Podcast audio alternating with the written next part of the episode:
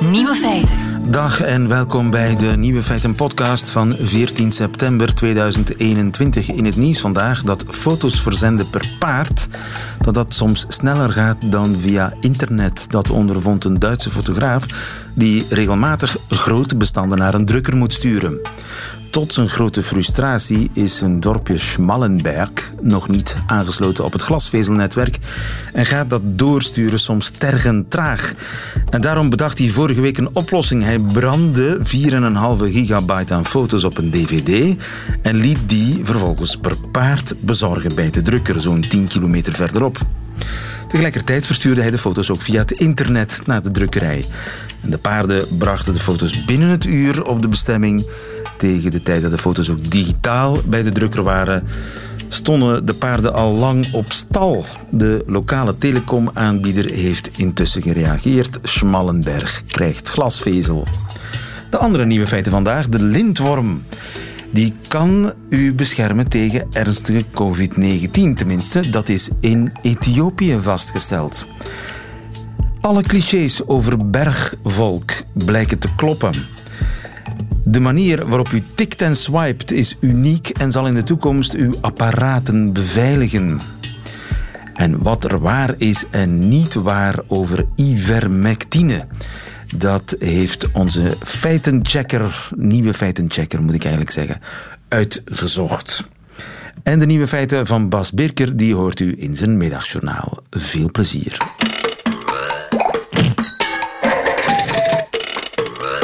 Nieuwe feiten. Een lintworm kan u beschermen tegen ernstige COVID. Dat ontdekte professor Rinke de Wit. Goedemiddag, professor. Goedemiddag. Tobias Rinke de Wit, moleculair eh, bioloog in Amsterdam. U bent dat gaan onderzoeken of een worm kan helpen tegen COVID. Hoe kwam u op het idee om dat te gaan onderzoeken? Ja, dat is uh, inderdaad een vrij uh, uh, ja, raar idee. idee. in eerste instantie. Ja. Maar dat kwam omdat ik in de jaren negentig een jaar of tien in Ethiopië had gewerkt aan HIV-AIDS. Ja. En dat was natuurlijk toen heel belangrijk. En dat HIV-AIDS, dat tast je immuunsysteem enorm aan, zoals wij weten. En toen heb ik heel veel geleerd over het immuunsysteem van mensen.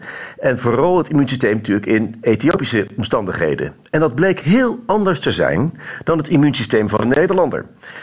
En wat is er nou aan de hand? Dat immuunsysteem in Afrikaanse mensen is enorm geactiveerd. Heel erg druk de hele tijd. En dat komt door infecties met parasieten, met wormen en met andere eh, parasieten. En toen COVID ineens uitbrak, eh, anderhalf jaar geleden, schoot me dat weer te binnen. Ik dacht, dat immuunsysteem in Afrika is anders. Dat zou wel eens een effect op COVID kunnen hebben. Want we weten allemaal dat ernstige COVID is een overreactie van je immuunsysteem. Uh, dan kom je in het ziekenhuis terecht. Dus zo is die gedachte ontstaan. Ja, in Afrika hebben mensen minder last, zo lijkt het wel, van een coronabesmetting. Ja. Ja. En uh, vaststelling 2, in Afrika hebben heel veel mensen darmparasieten. En dus misschien ja. zou er een verband kunnen zijn tussen die twee. Nu, Precies. om welke parasieten gaat dat? Is dat dan de klassieke lintworm? Uh, nou ja, de lintworm is wel een hele spectaculaire en grote parasiet natuurlijk, hè, die meters lang kan worden. Vijf meter soms, hè? Ja, dat, ja, ja, ja, ja. Maar je praat natuurlijk ook over kleinere uh, wormpjes. Hè. Je met allerlei exotische namen zoals uh, Ascaris en Trigurus. Uh, je praat ook over amoebus en over giardia's. En allemaal van die kleine organismen die in je darmen ja, flink kunnen huishouden. En veel mensen en, in Ethiopië die lopen daar rustig jarenlang mee rond. Zonder daar al te veel nou, ja. last van te hebben. Ja, eigenlijk is het zo hè, dat parasieten leven al honderden, duizenden, uh, tienduizenden jaren samen met mensen. Uh, en uh, ja, dat zit natuurlijk in slecht gewassen voedsel of in, in vlees wat niet goed doorbakken is. Hè. Dus dat is een vrij natuurlijk proces. En eigenlijk is het vrij onnatuurlijk dat wij in het Westen helemaal geen darmparasieten meer hebben dat we zo hygiënisch leven. En daardoor is ons immuunsysteem in, in Europa ook enorm uh, uh, ja, geschrokken van dat COVID-virus wat binnenkomt. Want ja, dat is een totaal nieuwe uh, pathogeen, zoals dat heet. Okay. En daardoor sla je op tilt en ga je naar een ziekenhuis toe als het niet, uh, niet mee zit. Het is eigenlijk onze schrikreactie, de schrikreactie ja. van ons immuunsysteem... Ja. die ons in het ziekenhuis doet belanden met COVID. Ja, ja eigenlijk wel, ja. U bent naar Ethiopië teruggegaan. Een uh, woelig land tegenwoordig. Hè? Niet alleen tegenwoordig, maar bij uitstek vandaag een woelig land. Hè? U, u, u, moest daar opereren in oorlogsgebied. Ja, ja, Ethiopië is natuurlijk een, eh, een, een, land wat altijd al woelig is geweest. En ook nu weer, helaas. Eh, in dit geval zijn we begonnen met het onderzoek met mijn Ethiopische collega, dokter David Woldij in Mekelle, dat is de hoofdstad van Tigray in het noorden. Ja, dat is precies de plek waar natuurlijk op dit moment oorlog uh, wordt gevoerd. Ja, en daar moest u de, de, de darmen van de mensen gaan onderzoeken. Nou, daar hebben we de ontlasting, de, de poep van de mensen, van COVID-patiënten onderzocht. En we hebben gekeken naar mensen met ernstige COVID en naar mensen uh, ja, die helemaal geen uh, verschijnselen hadden, maar wel COVID-positief. En toen hebben we gewoon ja, in, die, uh, in die ontlasting zitten tellen onder de microscoop van hoeveel parasieten zitten erin en welke parasieten. Terwijl in feite intussen hier en daar een bom om je oren uh, vloog. Ja, alles voor de wetenschap. En dus u heeft, u, u, heeft, die uh, parasieten zitten tellen in ontlasting van mensen die sowieso besmet waren, maar waarvan de ene heel veel last had van die besmetting en de andere nauwelijks iets voelde. Juist, helemaal goed. Ja. Is, is, er een, is er een link nou ja, wat wij dus zagen, want dit was natuurlijk een hypothese die we hadden. En ja, dat moet je dan nog maar bewijzen. Wat wij zagen is, uh, we hebben in totaal iets van 751 eh, patiënten onderzocht. Eerst in Bekelle en daarna in Addis Ababa, want we moesten vluchten vanwege het uh, gevaar. Laat ik er even bij vertellen, zo'n held ben ik niet hoor. Want ik zat gewoon in Nederland en mijn collega David Woldij deed uh, het werk in Ethiopië. Laat ik daar wel duidelijk over zijn. Ach, wat jammer. Ja. het was zo heldhaftig anders. Ik, had me, ik, zag, ik zag u al helemaal op uw knieën in zo'n tentje terwijl de bommen over uw hoofd vlogen. Maar het was iemand anders. Maar iemand heeft het gedaan, sowieso. Ja, ja zeker. Mijn, mijn goede collega. Eh, ik moet zeggen, in de jaren negentig heb ik daar wel gezeten hoor, in oorlogstijd. Dus ik heb wel wat meegemaakt, maar in dit geval niet. Ja. Maar, dus, wat wij eh, zagen... Dus uh, veel meer... Ja. jullie hebben geteld. En wat zagen jullie? Nou ja, we zagen dus eigenlijk uh, iets van die 751 patiënten hadden er 284 parasieten. Dus dat is al ruim een derde, hè, dat is heel veel. En toen, als we, toen we gingen kijken, toen hadden van de mensen met zware COVID hadden maar 27 uh, patiënten, ongeveer 10% hadden die parasieten. Terwijl de mensen met uh, ja, lichte COVID hadden iets van 52% parasieten. Dus, dus, de, dus dat is een enorm verschil. Dat is ook heel erg significant als je dat wetenschappelijk uh, gaat berekenen. Dus we zagen een heel duidelijke relatie. Als je parasieten in je ontlasting hebt, dan heb je lichte COVID. Heb je geen parasieten in je ontlasting, dan is de kans op zware COVID behoorlijk aanwezig. Oké, dus dat zou uh, een afdoende verklaring kunnen zijn waarom, of een van de verklaringen, want ja, er is, de mensen zijn ook jonger, er is ook meer zonlicht, meer ja. warmte, daar houdt een virus allemaal niet van. Het zou dus ook mee kunnen verklaren waarom de Afrikanen, mensen die in Afrika wonen, dat die minder last lijken te hebben van corona. Nu, kun je daar, kunnen wij daar iets mee? Ik bedoel ja. maar, zal ik maar heel veel rauw vlees eten of op de een of andere manier een lintworm in mijn darmen stoppen? Heeft dat zin om mijn ja. immuunsysteem ja, beter af te stellen op een eventuele komst van een coronavirus? Nou, dat is natuurlijk een uh, prikkelende vraag. ik, ik, denk niet dat ik een winkeltje ga beginnen in uh, wormeneitjes. Nog niet. Maar uh, nee, dat is natuurlijk overdreven. Kijk, wat dit ons leert is gewoon hoe het immuunsysteem werkt met COVID. En, hoe, en, en naarmate we natuurlijk beter weten hoe dat met die wormen zit, kunnen we ook veel beter weer medicijnen gaan ontwikkelen tegen COVID. We kunnen beter misschien de vaccins uh, verder ontwikkelen. dus we leren gewoon heel veel hoe het immuunsysteem van de mens reageert op COVID. Maar om nou te zeggen, we gaan uh, lintwormeitjes verspreiden in de slagerijen. Nee, liever niet. Lijkt me geen goed idee. Geen goed idee, want ja, je moet natuurlijk een leven lang met die wormen leven, neem ik aan, of met die parasieten leven voor je immuunsysteem daarop aangepast is. Nou, dat is een grote vraag inderdaad. Hoe lang zal je zo'n parasieteninfectie moeten hebben? Uh, moet je een acute infectie hebben of mag het ook tien jaar geleden zijn geweest? Hè? Heeft het immuunsysteem daar genoeg geheugen voor? Weten we allemaal niet. Moet allemaal uitgezocht. Zijn we mee bezig. Ja, uh, maar in eerste instantie uh, was de wetenschappelijke wereld een beetje sceptisch over ja. uw hypothese, maar u heeft gelijk gekregen. Dat, uh, bewees, soms gebeurt dat. Soms gebeurt dat. Uh, mag ik u daar van harte mee feliciteren, professor Tobias Rinke de Wit. Goedemiddag. Dank u hartelijk.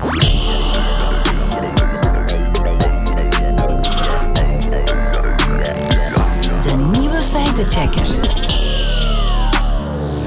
De nieuwe feitenchecker heeft een opdracht. Nagaan of dubieus nieuws klopt of niet. Uh, Rien Emery, goedemiddag. Goedemiddag.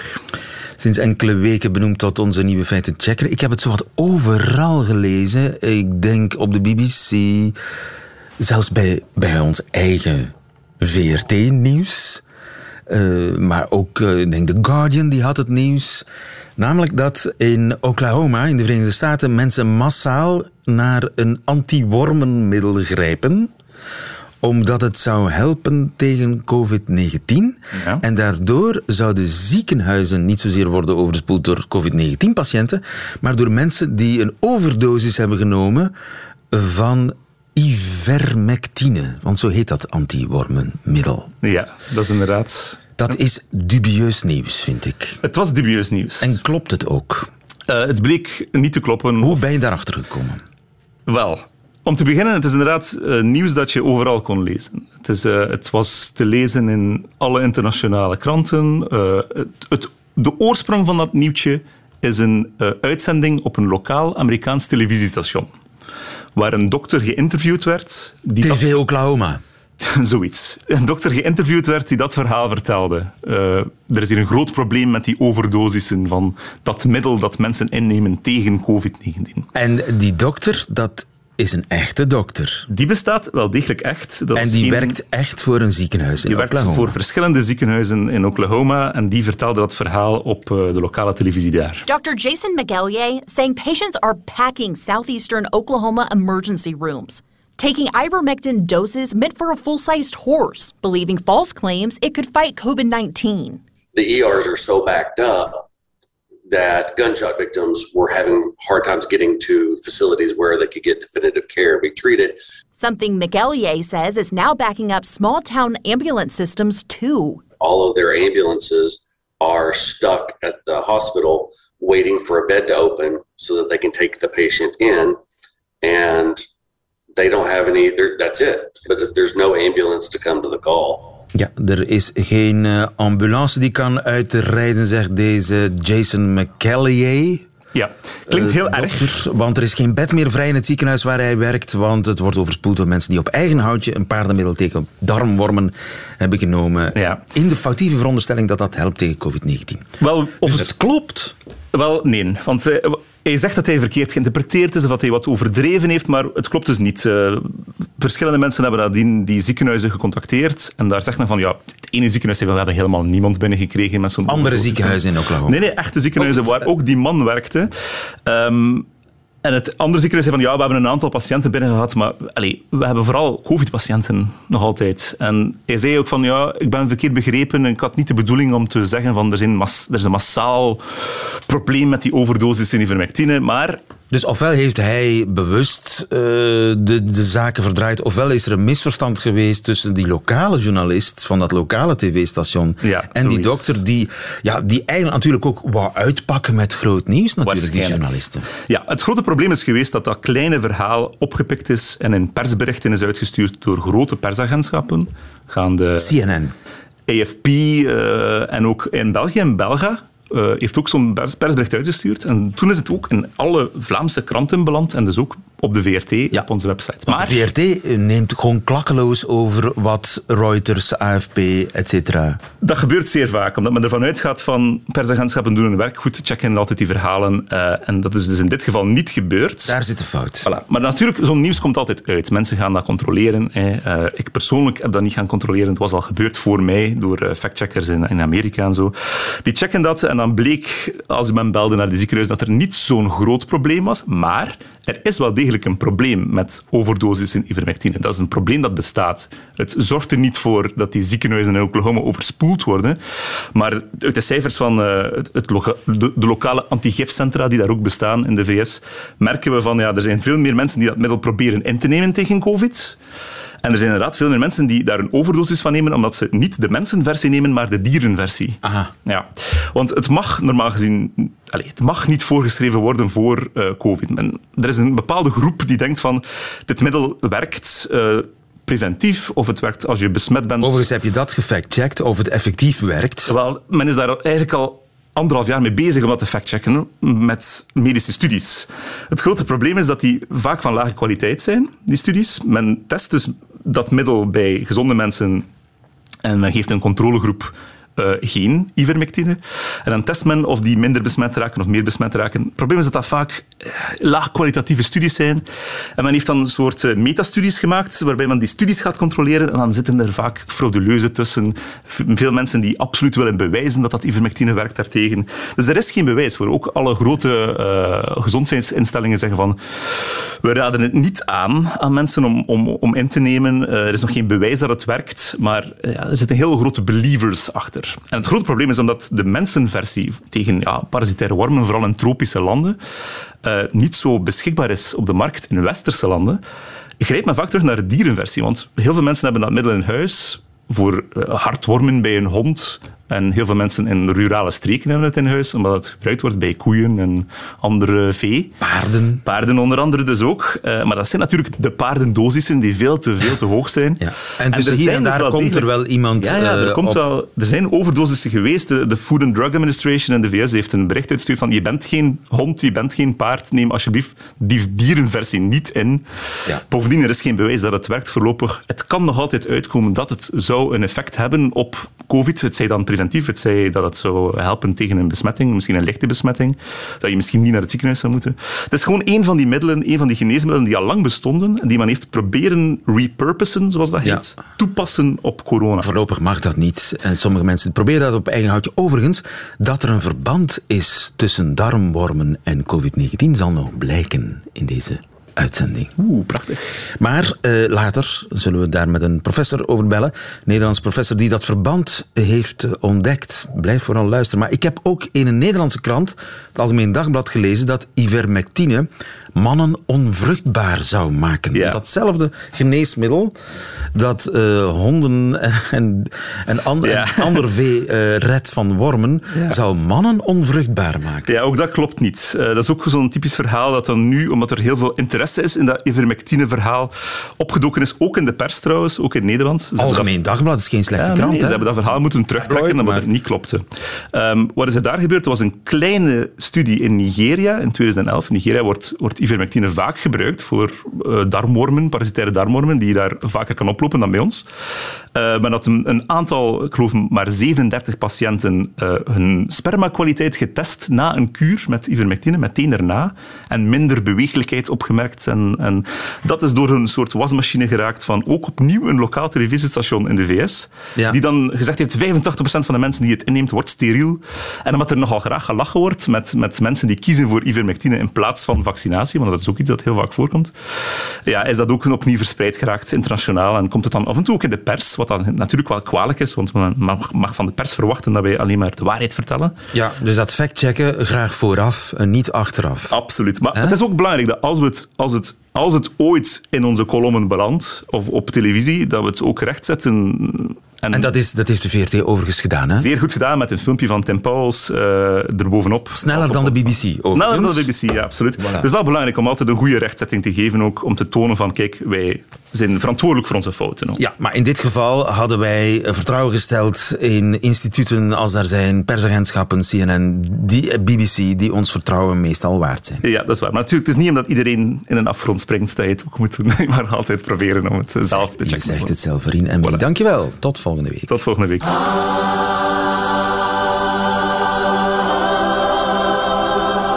Nieuwe feiten.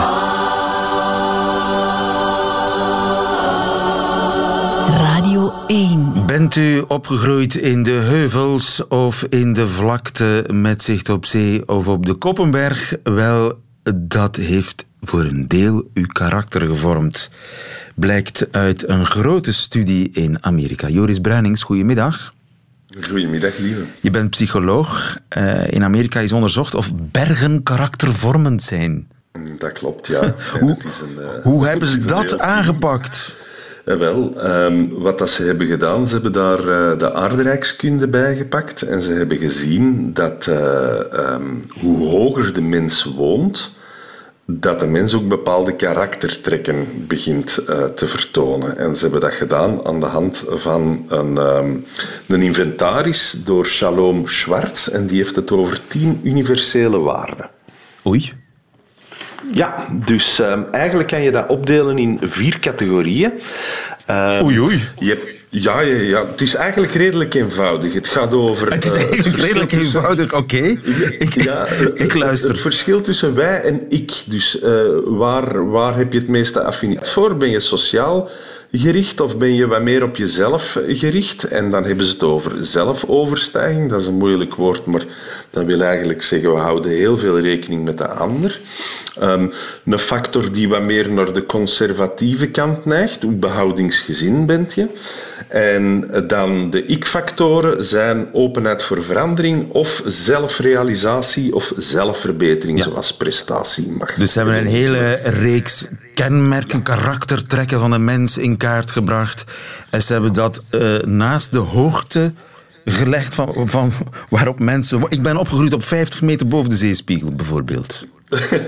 Eh, wel, lieve, ik denk niet dat het op, op niveau van de 50 meter gaat zitten. Nee. Maar dat ze echt hebben gezien, ja, mensen die op, op, op uh, eh, 1500 meter wonen of echt hoog in de bergen, um, kan je daar wat verschillen zien met mensen die, zoals dat je zei, aan de zee wonen of, of uh, in dichtbevolkte gebieden wonen. En ze hebben echt tienduizenden mensen in hun sample meegenomen. Ja, ze hebben echt tienduizenden mensen bevraagd en dan die schaal voorgelegd. En de resultaten zijn, um, zijn goed, maar laat ons niet zeggen dat de correlatie sensationeel is. Maar er is wel een, een beduidende cor correlatie van 0,31 procent wat binnen de psychologie toch al duidt op enige zekerheid. Er is niet veel, maar er is wel iets.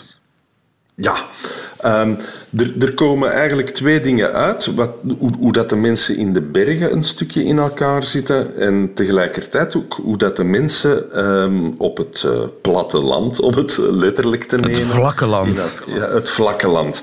Dus wat blijkt, dat mensen in de bergen effectief wel een pak hoger scoren op waarden zoals veiligheid, traditie en conformiteit. Um, dat zijn zo wat de conservatievere, behoudingsgezinde waarden. Uh, dus hoe hoger dat je woont, hoe conservatiever dat je bent, maar niet in de negatieve zin van het woord, maar in de positieve zin van het woord. Ja, behoudsgezind gericht op veiligheid, ja, het Zwitserleven gevoel, zou ik zeggen. Ja, en dat heeft ook iets heel degelijks. Dat heeft ook iets groepsvormend. Um, en dus, uh, ja, je, je, moet altijd in deze studies een stukje opletten dat je niet de voor, um, voor de hand liggende psychologie uh, hanteert en zegt, ja, mensen in de bergen, het is er koud en, en, en natuurlijk komen die samen voor, voor te overleven. Daar zit wel waarheid in, maar in deze studie bleek effectief dat die traditie toch wel een pak hoger scoorde. Ja. En mensen die op het vlakke land wonen, Nederlanders dan bijvoorbeeld, die zouden dan precies het tegenovergestelde zijn? Uh, niet, niet exact het tegenovergestelde, maar die hebben wat meer um, uh, waarden zoals prestatiegericht, uh, ikgericht en ook dat hedonisme. En dat was wel iets dat uh, wat opviel in deze studie. Eh, ze schrijven letterlijk dat hoe hoger je woont, hoe minder geschikt je bent voor het najagen van wereldse genoegens en sensuele bevrediging. Dus zijn de genot. Oei. En dat is toch wel, ja, dat is toch wel een opmerkelijke uh, ja, statement. Dat, de ascetische bergbewoners. Ja, dat zijn niet de vrolijke, op lust ehm, betrokken mensen. Geen feestneuzen. Nee, inderdaad. Het zijn, ik denk wel dat daar een. een je mag dat niet wit-zwart zien en daar wordt natuurlijk gefeest, maar de onderzoekers stellen dat als je uh, aan de zee woont, of zoals in Nederland, dat je toch wel net wat meer in dat hedonisme uh, kan stappen dan uh, de mensen die hoog in de bergen wonen. Dus je zou kunnen stellen dat de, de volkswijsheid over bergvolk en volk dat aan de zee woont dat daar een grond van waarheid in zit. Inderdaad, dat heeft deze studie wat uh, bewezen. Um, Eh, ze, ze, hebben nog uh, iets anders erg interessants, vond ik toch, uh, bewezen. Dat hoe kouder je gaat, dus dan denk ik een beetje aan de Scandinavische landen, hè, hoe noordelijker, um, hoe meer dat je naar die wijn, naar die zelfoverstijging gaat en dat je welwillender bent, dus dat je eigenlijk wat meer rekening houdt met de ander um, en dat je ook wat meer prestatiegericht bent en dat dat mooi hand in hand kan gaan. Ja. En dus zo hebben we eigenlijk de karaktertrekken van zowel de Zwitsers, de Nederlanders als de Scandinaven verklaard. Ja, een klein stukje, hè? Een, een bijzonder klein stukje. En natuurlijk zijn er nog gigantisch veel verschillen tussen mensen. Mag je niet vergeten, je mag nooit iemand in een hokje zomaar duwen.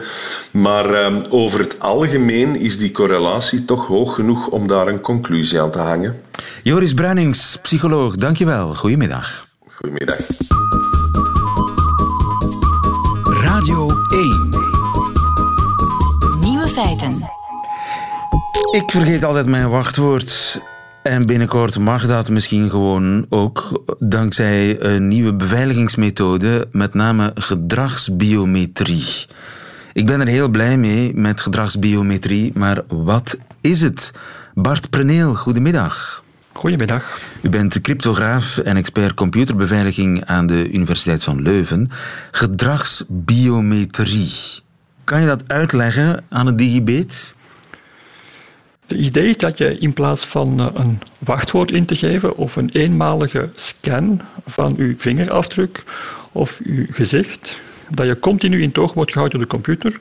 De computer kijkt hoe je bijvoorbeeld typt of hoe je swipet hoe je de telefoon vasthoudt. Het gaat om een smartphone, hoe je die vasthoudt en bijvoorbeeld hoe snel je dus een apps wisselt. Dus al die gedragingen op de computer of tablet of smartphone worden in toog gehouden. Er wordt gekeken hoe dat normaal is en wordt gekeken of dat afwijkt van je normaal gedrag. En heeft iedereen zijn eigen soort gedrag? Is, is, is dat een uniek patroon? Wel, heel echt veilig is het niet. Je moet het zeker combineren uh, met een, nog altijd een login ofwel via een vingerafdruk of een paswoord, maar het kan wel gebruikt worden om te kijken of iemand nog wel de computer gebruikt. Bijvoorbeeld, het is wel zo dat wij dus op een unieke manier typen of op een unieke manier onze telefoon vasthouden of swipen. Dus dat gedrag kan in toog gehouden worden. Op die manier kan je kijken of eventueel een andere gebruiker is. Ja. Het werkt trouwens ook in auto's. Een auto kan detecteren of een bestuurder een andere bestuurder is dan de gebruikelijke bestuurder. Ik vind het zo raar tikken. Dat is toch gewoon tikken? Ik bedoel, ik, ik, kan me niet voorstellen dat de manier waarop ik mijn wachtwoord intik al zegt aan de computer dat ik het ben. Dat vind ik heel raar. Dat is nogthans zo, omdat het ritme van je toetsen verschilt. Verschillende mensen gebruiken verschillende vingers en een verschillende snelheid. En aan de hand daarvan kan je kijken of het wel degelijk dezelfde manier getypt is als de vorige keer. En dan kan je dus nagaan of het iemand anders is die een wachtwoord weet dan wel de echte gebruiker. Dus mijn apparaten houden mij voortdurend in het oog. Die moeten natuurlijk ook leren hoe ik mij gedraag. Is, is dat makkelijk of moeilijk? Of zijn die apparaten daarvoor al uitgerust? Het is natuurlijk zo dat het nu veel beter gaat dan toen we dat eerst geprobeerd heeft in de jaren 90. Want nu heeft zo'n smartphone of tablet heel veel sensoren en die kunnen dus heel veel aspecten in het oog houden. In het algemeen moet je dat inderdaad leren, dus zal dat een tijdje duren. Is dat ook niet 100% betrouwbaar. Daar zit een zekere afwijking op. Onder andere heeft Google grote aankondigingen gemaakt vijf jaar geleden. Uiteindelijk zijn ze die met stille trom hebben ze dat afgevoerd. Maar de technologie evolueert en dat wel meer en meer gaat betrouwbaar worden en beter zal werken. Maar echt een volledige vervanging van een paswoord zal het zeker nooit worden. Maar het is eigenlijk een soort extra beveiliging, vergelijkbaar nu met die tweetrapsbeveiliging, dat je af en toe nog eens moet dubbel, een soort dubbelcheck. Dat klopt, ja. Natuurlijk, het gebeurt niet alleen op de persoon die het gebruikt, maar ook het toestel zelf. Als je kijkt naar de huidige bankapps, die zijn niet zo veilig als bankkaarten met een bakje omdat zo'n smartphone veel complexer is en veel moeilijker veilig is. Maar als compensatie zal dan die bankapp je smartphone in toog houden en kijken of het natuurlijk op dezelfde smartphone zit en de gebruiker zich op dezelfde manier gedraagt als voorheen. Dus als ik een nieuwe telefoon koop, dan heb ik een probleem. Kan ik eventueel niet uh, op mijn bank? Dan zal je voor een tijdje moeten opnieuw op een veilige manier met een paswoord of een speciale procedure opnieuw de telefoon koppelen aan de gebruiker. En is dat geen aanslag op mijn privacy, al dat uh, ja, in de gaten gehouden? Wel, als het echt veilig geïmplementeerd is, en dat is niet altijd zo helaas, dan kan het allemaal lokaal op de slimme telefoon op je smartphone gebeuren. Daar krachtig genoeg voor om die berekeningen zelf te maken. Het probleem is, we moeten eerst die methodes ontwikkelen en daarvoor moet men de gegevens van heel veel gebruikers samenbrengen en dat brengt natuurlijk wel een privacyrisico mee. Het kan ook zijn dat men continu die gegevens verzamelt en blijft verzamelen om de algoritmen, de methodes te verbeteren. En ook daar ben ik toch wel op bezorgd dat dit een inbreuk is op privacy. Dus er is een privacyprobleem eventueel. Uh, hoe veilig is het? bedoel, kan die gedragsbiometrie gehackt worden? Kan mijn mijn persoonlijke paspoort, zeg maar, die, die in mijn vingers zit en in de manier waarop ik swipe en tik, kan dat gehackt worden? Want alles kan gehackt worden. En dus ook de manier waarop je een telefoon vasthoudt, waarop je swipe, dat kan in principe gekopieerd worden. Ofwel door iemand die daarin oefent, ofwel door software eventueel die dat simuleert en die telefoon volledig hackt. Dus iets dat 100% veilig is, dat bestaat niet. Dus het voordeel van deze methode is dat die in de achtergrond werkt, dat de gebruiker niks extra moet doen. Maar ik denk de prijs die je betaalt is dat het ook niet zo heel veel bijdraagt en dat je natuurlijk ook het privacyrisico hebt. Ja. Ik hoor het al, jij zal hem niet uh, nemen. Wel, ik zal in elk geval liever geen bankapps installeren die ook mijn volledig gedrag voortdurend gaan monitoren om de banktransacties veilig te houden. Dan vertrouw ik nog liever op eh, de oude kaart en het bakje, eh, waar veel minder privacyrisico's zijn. Maar het komt eraan. Het is, het is uh, een kwestie van tijd dat iedereen uh, dat in zijn telefoon heeft zitten of in zijn computer. Het is onvermijdelijk. Het zit er al in. Het is onvermijdelijk. Dat is een duidelijke technologie die zal ontwikkeld worden, om die heel handig is, die in de achtergrond werkt en die de beveiliging een beetje verhoogt. Ik denk niet dat we de keuze gaan hebben. Dat zal duidelijk ingebouwd worden in alle smartphones. Dat zal ook in onze smart slimme horloges uh, ingebouwd worden. Dus uiteindelijk wordt het moeilijk en moeilijker om die technologie te vermijden. Bart Preneel, bedankt voor deze heldere uitleg. Goedemiddag. Graag gedaan. Nieuwe feiten. Dat waren ze, de nieuwe feiten van 14 september 2021. Alleen nog die van Bas Birker heeft u te goed, u krijgt ze in zijn middagjournaal. Nieuwe feiten. Middagjournaal. Liefste landgenoten. In mijn geboorteland moeten ze er ook aan geloven. De invoering van de coronapas om nog iets te kunnen doen in je leven. Nederlanders vrezen een tweedeling in de maatschappij. De Belg in mij lachte en zuchtte. Amateurs. Wij hebben al tweedelingen op metaniveau sinds 1830. Er is een tweedeling in taal, een driedeling in gewestelijk beleid en zelfs een tweedeling in gemeenschappen. Ik weet dat er drie gemeenschappen zijn, maar ik doelde nu op de chatgeschiedenis van de premier. Die heeft ook een tweedeling. De helft wil wel gemeenschap en de andere helft niet. Bij de Noorderburen moet je dus over anderhalve week je corona-app laten scannen om een schnitzel met satésaus en een glas karnemelk te kunnen bestellen. Ongevaccineerden voelen zich buitengesloten en beperkt in hun vrijheid. Niet zo gek ook. Als je al anderhalf jaar niets mag, is het natuurlijk wennen als je ineens niets mag. De pasjesmaatschappij blijft hier voorlopig beperkt tot Brussel omdat het daar levensgevaarlijk is. En dan is er nog corona ook. Dat regionale maatregelen geen enkele zin hebben, weten we al ruim een jaar. Maar toch bedenken onze grote roergangers zich nu exact hetzelfde als in 2020. Als mensen in Brussel niet op café kunnen, gaan ze dan niet gewoon in de Vlaamse rand zuipen? Het antwoord is natuurlijk, natuurlijk. En dus overweegt het management van Vlaanderen NV om in de Vlaamse rand dezelfde maatregelen in te voeren om pasjestoerisme te ontmoedigen. Nieuwsflash: België is een scheet groot. Als je beperkingen invoert in Dilbeek, gaan mensen feesten internat. Of toch tot ze erachter komen dat daar geen zak te beleven valt. Als je de coronapas invoert in de Brusselse rand, moet je hem ook invoeren in de rand rond de rand. En de rand daar rond. En de rand, rand, rand. U begrijpt het. Voor je het weet zitten antivaxers op de dijk in Oostende te overwegen of ze op de lokale luchthaven niet gewoon de vlieger naar Griekenland zouden pakken om een pint te drinken. Helaas hebben ze daar een coronapas. Net als in Portugal, Italië en Cyprus trouwens. En in al die landen geldt die regel in het hele land. Hoort u dat, luisteraars? Dat kan dus gewoon, hè? Iets nationaal regelen. Ik vind het prachtig om te zien dat Vlaamse leiders zoveel Asterixen hebben gelezen dat ze daadwerkelijk denken dat wij als laatste dappere nederzetting weerstand kunnen blijven bieden. Ik ben benieuwd welke toverdrank ze daar in Brussel hebben ontdekt. Maar iets zegt me dat het geen karnemelk is.